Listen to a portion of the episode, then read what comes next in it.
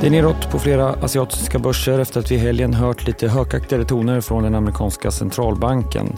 Vi går in i julveckan och det är blott åtta handelsdagar kvar av året. Stockholmsbörsen ser ut att inleda veckan nedåt. Det är måndag den 18 december. Du lyssnar på det i Morgonkoll och jag heter Alexander Klar. Ja, flera av de asiatiska börserna backar. Solbörsen är ett av få undantag. Grannen Nordkorea testsköt igår återigen en basilisk robot över det japanska havet. Tokyobörsen är nedåt, liksom börsen i Hongkong. Båda tappar knappt 1 procent. Även fastlandsbörserna i Kina är ner mellan en halv och en procent.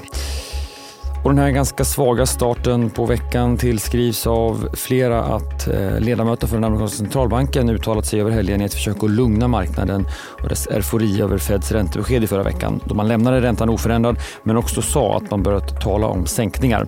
Något som fick marknaden att prisa in flera sänkningar redan under det första halvåret nästa år. Under helgen sa bland annat Fed-chefen i New York, John Williams, att man inte diskuterar räntesänkningar. Och chefen i Atlanta, Raphael Bostic, sa igår att han först ser en sänkning under det tredje kvartalet nästa år. Båda två röstar nästa år. I Japan är det också fokus på centralbanken. Bank of Japan lämnar räntebesked imorgon och mötet inleddes idag. Och det är något mer intressant än det brukar. Även om marknaden inte tror att man ska lämna sin minusränta så finns en förväntan om att man kan göra det under nästa år.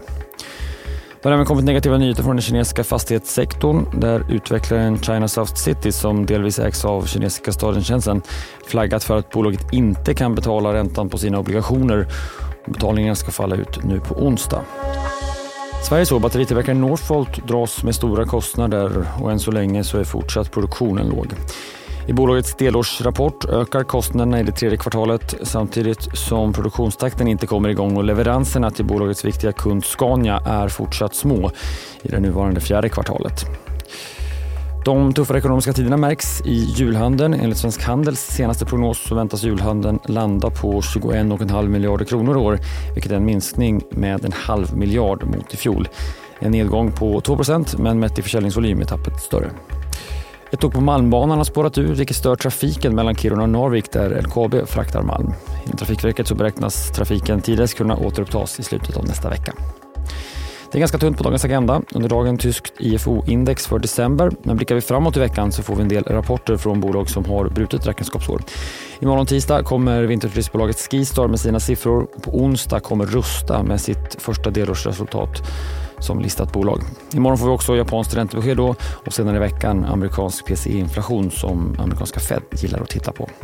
Titta också på Börsmorgon med start kvart i nio i DTV. Det utlovas fordonsspecial idag. En spretig bransch, inte minst när det gäller värderingen. Tesla är dyrt men mycket annat är lågt värderat. Handelsbankens Hampus Engelau gästar tillsammans med DIs Magnus Dagel. Morgonkoll hör ni igen imorgon bitti. Vi hörs då. Jag heter Alexander Klara.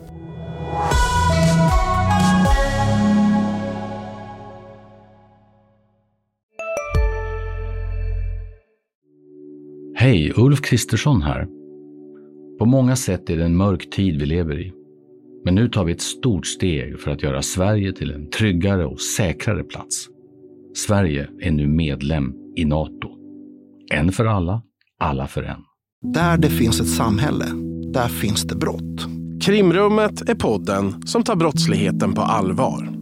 Jag bjuder in landets ledande experter och tar upp aktuella rättegångsfall för att begripliggöra den kriminalitet som kryper allt närmare. Du, alltså, du kan knäcka ett eller några gäng, men det kommer komma nya och så kan vi knäcka dem sen. Men att du ska knäcka allt forever, det kommer aldrig ske. Det är infinite game. Lyssna på Krimrummet, en podd från Expressen med mig Kim Malmgren.